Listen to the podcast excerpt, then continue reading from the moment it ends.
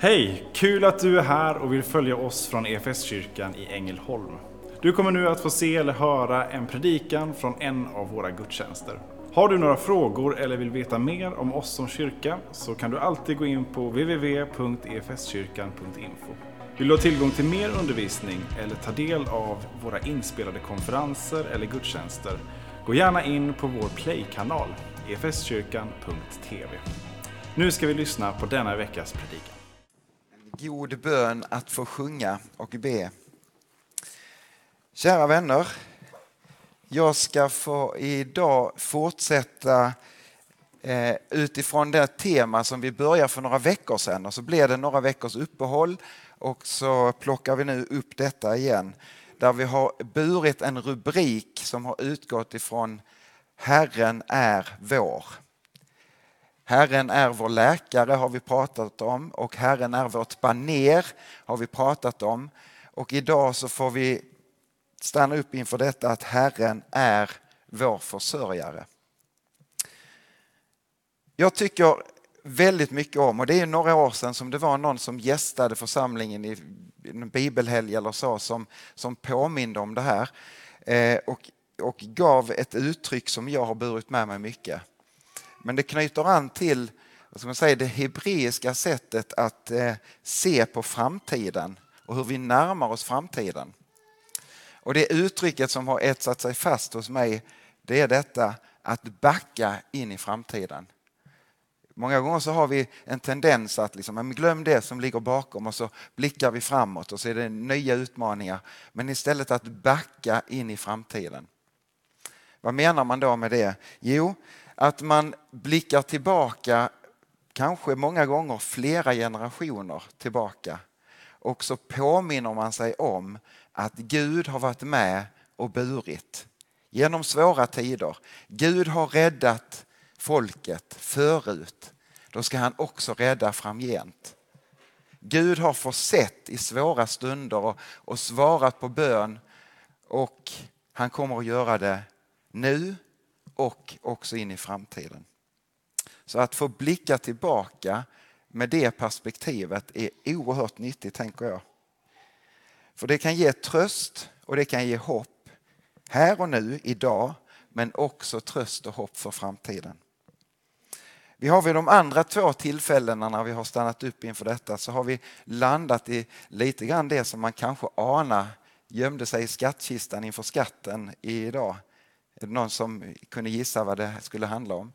Eh, jag gissar att det är Mose och den brinnande busken. Vi får väl kolla med barnen sen.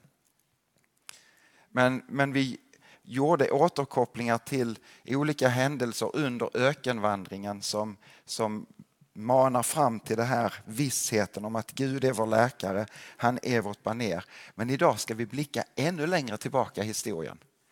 Ända tillbaka till Abraham.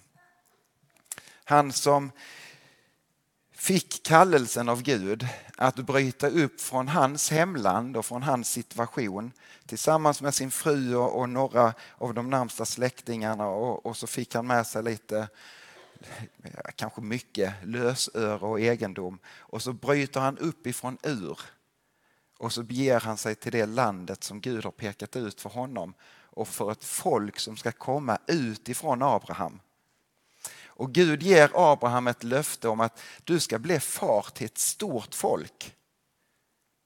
Och, och det, Den hälsningen kommer till Abraham flera gånger från Herren. Du ska bli ett stort folk. Och, och vid, vid, några tillfällen så, så ber han liksom Abraham att titta upp på himlen och så räkna stjärnorna om du kan. Så många och fler därtill ska ditt folk bli. Vid något tillfälle så, så invänder eh, Abraham i, i liksom Guds plan för honom. Men hur i all sin dag ska det gå till? Det fattas nämligen någonting i Abrahams och Saras liv som skulle kunna få detta att funka. Det fanns inga barn. Hur ska man kunna bli ett stort folk? Och så knotar han lite grann med Gud och säger ja men ah, det, jag kommer, vi kommer att gå barnlösa ur den här tiden så att det kommer att bli någon av tjänstefolket som kommer att ärva. Hur har du tänkt här? Och så kommer Gud igen. Se på stjärnorna, räkna dem. Så stort ska ditt folk bli. Men det händer inte någonting. De väntar och de väntar år efter år och det blir inte något barn. Och de börjar ju bli lite sådär halvgamla också höll jag på att säga. Eller riktigt gamla rättare sagt. Börjar närma sig 80, 90, åren går. Ja, det är några som bara, det är inte kört än. Liksom, nej. Men så gör Sara, Abrahams fru, en, en sak som jag tänker är så lätt för oss människor. Vi tar saken i egna händer, vi hittar en lösning. Vi försöker liksom lägga saker och ting till rätta. Så att Sara hon, hon tänker så här. Abraham, ska detta ske så kommer det inte ske genom mig för jag är för gammal. Men jag har en tjänstekvinna om jag låter henne komma in till dig så får vi hoppas och önska att det blir ett barn därigenom som löftet kan liksom uppfyllas genom. Och Hagar går in till Abraham och det blir också på det sättet att hon föder en son, Ismael. Och Abraham, tänker jag, är väl glad för sin son, absolut. Men så går åren fortsatt framåt och, och det börjar bli på något sätt som en, kan vi läsa, en rivalitet mellan Hagar och Sara. Kanske en tjänstekvinna som stod henne väldigt, väldigt nära. För vem skulle man annars välja att gå in till sin, sin man? Men så börjar de titta snett och hon börjar känna det är jag som bär löftesbarnet på något sätt. Och Sara blir djupt förtvivlad. hon går med sin sorg och sin besvikelse till Abraham och det kommer att bli så att eh, Hagar och Ismael får lämna folket. Och det är väl i runda tal 10, 12, 13 år efter att Ismael har fötts. Abraham har omsorg om, om sina kära på det här sättet. Han ger dem en stor säck med vattensäck som de får ta med sig och så beger de sig ut. Och de hamnar i öknen och i öknen så tar vattnet som de bär med sig slut. Och, och det, det kommer så långt att, att de är på väg att mista livet. Ismael, ung tonåring, orkar inte längre. Hagar ser att han är på väg att förlora livet. Så han, hon lämnar, liksom, jag kan inte se min son dö. Så hon lämnar honom någonstans i öknen och går bort och gråter i djup förtvivlan. Ah. Och vet ni vad som händer? Det här missar vi ofta. Guds ängel kommer och möter Hagar. Och kommer också med ett löfte. Också genom din son ska det bli ett stort folk. Och så visar Herrens ängel på en vattenkälla där i öknen som de kan skopa upp vatten och de kan rädda sig till livet. Så Herren förser också i den situationen. Men så kommer det efter många års väntan det här undret som är så fantastiskt stort att Herren förser Abraham och Sara så som det var tänkt att de skulle få ett barn. Sara som inte längre är fruktsam får ändå bära fram Isak. Och så föds den här lilla pojken och de tänker wow, vi ska bli ett stort folk. Jag tänker själv så här, ska man bli ett stort folk då är det liksom jättemånga barn som sen får jättemånga barn och som sen får jättemånga barn. Och de stannar med ett barn. Hur ska detta gå till?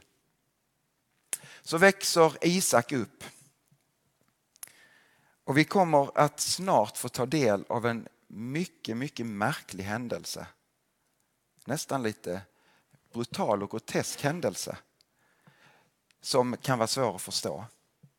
Men det är en händelse som pekar fram på en ännu mäktigare händelse. För när Isak han har vuxit upp, han har inte bara blivit tonåring utan förmodligen en ganska ung man, han kanske närmar sig 25-30 år. Då kommer Gud till Abraham och säger till honom att du ska göra någonting med din son. Och jag tänker att vi läser det tillsammans. Och det är från första Mosebok 22. Och det är ett långt stycke, 14 verser där.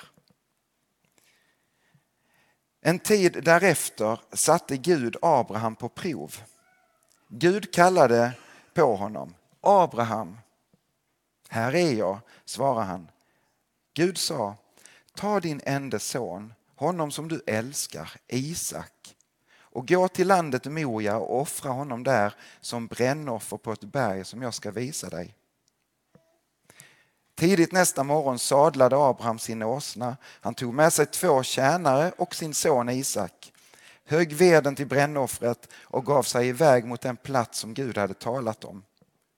Den tredje dagen fick Abraham se platsen på avstånd. Då sa han till tjänarna, stanna här med åsnan medan jag och pojken går dit bort för att tillbe. Sedan kommer vi tillbaka till er. Abraham tog veden till brännoffret och lät sin son Isak bära den. Själv tog han elden och kniven och så gick de båda tillsammans. Far, sa Isak. Ja, min son, svarade Abraham. Isak sa, här är eld och här är ved, men var är fåret som ska offras? Min son, sa Abraham, Gud utser åt sig det få som ska offras. Så gick de båda tillsammans. När de kom fram till platsen som Gud hade talat om, då byggde Abraham ett altare. Han la upp veden och band sedan sin son Isak och la honom på altaret ovanpå veden. Och Abraham sträckte ut handen, tog kniven för att slakta sin son. Då ropade Herrens ängel till honom från himlen. Abraham, Abraham. Ja, svarade Abraham, här är jag.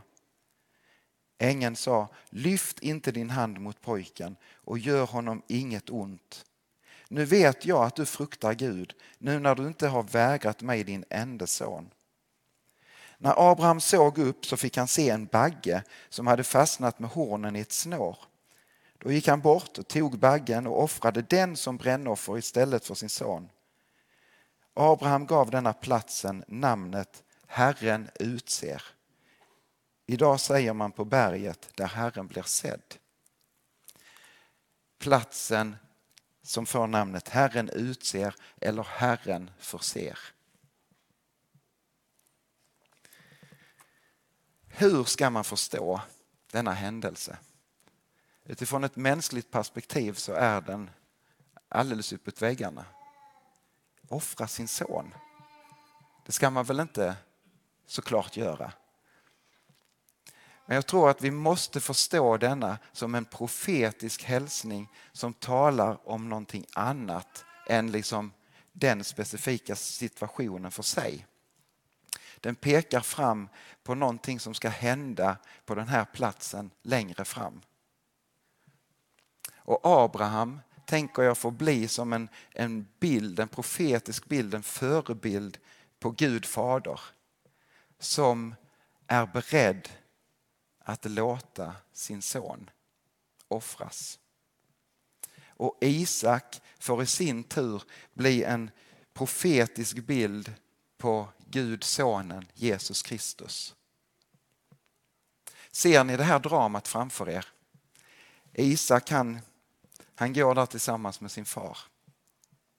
Och så frågar han, var är fåret som ska offras?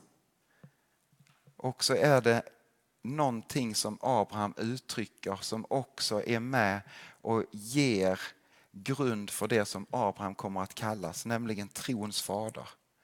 Han har en sån tillit till Gud. Alltså, Gud kommer nog att utse. Och han har också sagt till sina tjänare, vi kommer snart tillbaka.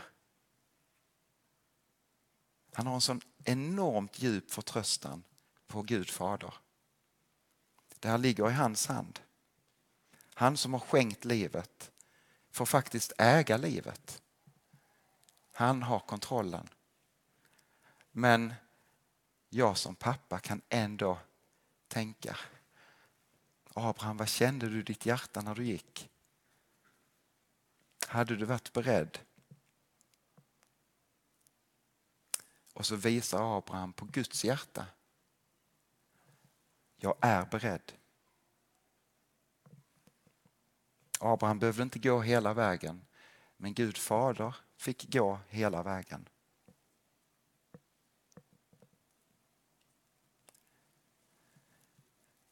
Lägger ni märke till att det är också en sak som fattas i den här berättelsen?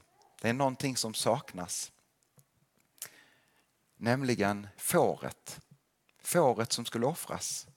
Det dyker aldrig upp i berättelsen.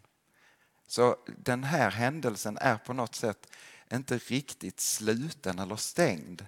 Den är ofullständig. Istället så är det en bagge eller en vädur som får offras vid det här tillfället. Men fåret saknas. 2000 år senare så kommer Jesus gående till Jordansflodens strandbank där och ska döpas.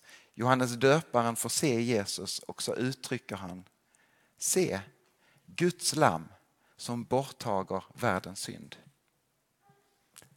Här dyker lammet upp. Fåret som ska offras. Och när Jesus ytterligare några år senare kommer till Jerusalem för att fira påskmåltiden som också har sin knytning, anknytning tillbaka till när Israels folk räddades från Egypten och slaveriet.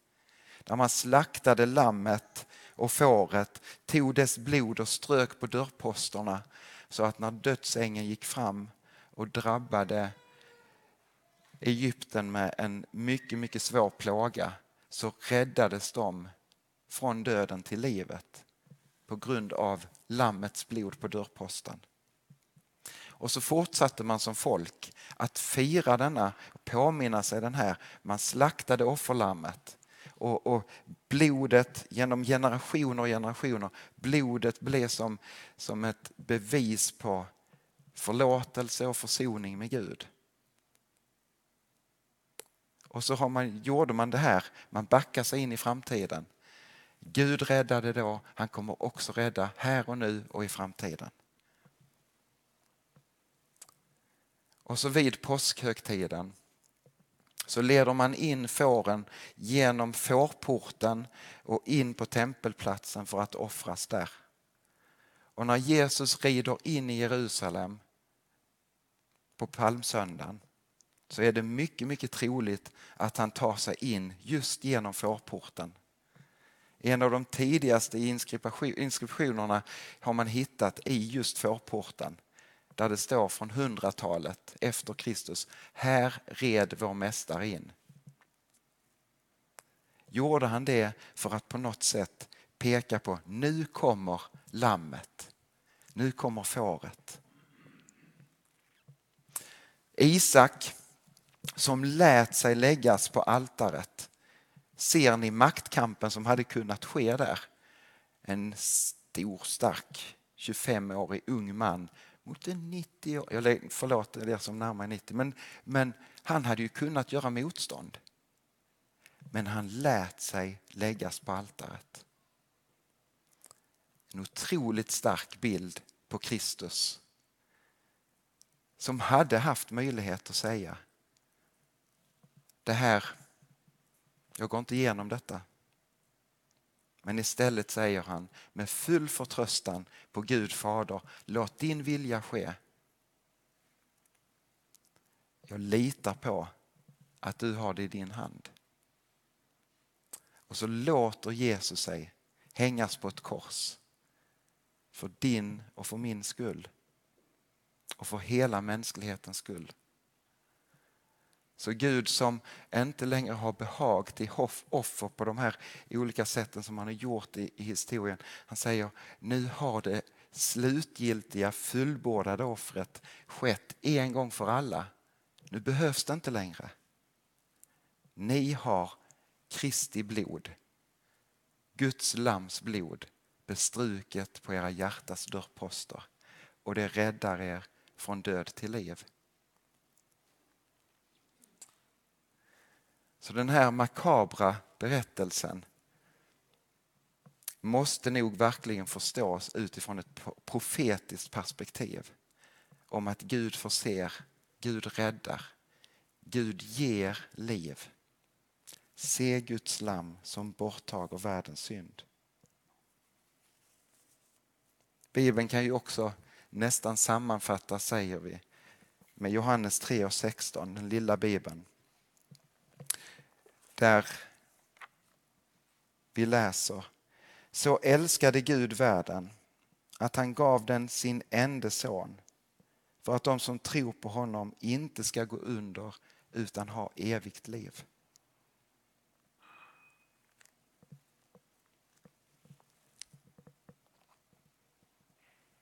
Så återigen, Abraham och Isak på Moria berg. Det som kommer att bli tempelberget i Jerusalem pekar fram på Golgata höjd i Jerusalem och pekar fram på Jesus. Och det som sker där då har en giltighet genom alla tider, också rakt in i ditt liv. Så vi kan om och om igen blicka tillbaka och säga, det här gäller mig. Jag har fått del av det himmelska. Jag har fått del av ett evigt liv. Och jag har fått del av förlåtelse. Som kyrka är det en glädje att få spela en liten roll av allt Gud gör i och genom ditt liv. Vi vill gärna fortsätta följa dig på den resan. Och vill du ta reda på vad ditt nästa steg kan vara på din resa med Gud så gå in på efskyrkan.info nästa steg. Vår längtan är att få se människor och samhällen förvandlade av Jesus. Genom en kyrka som återspeglar Guds hjärta, bär varandra och betjänar människor varhelst vi befinner oss varje dag.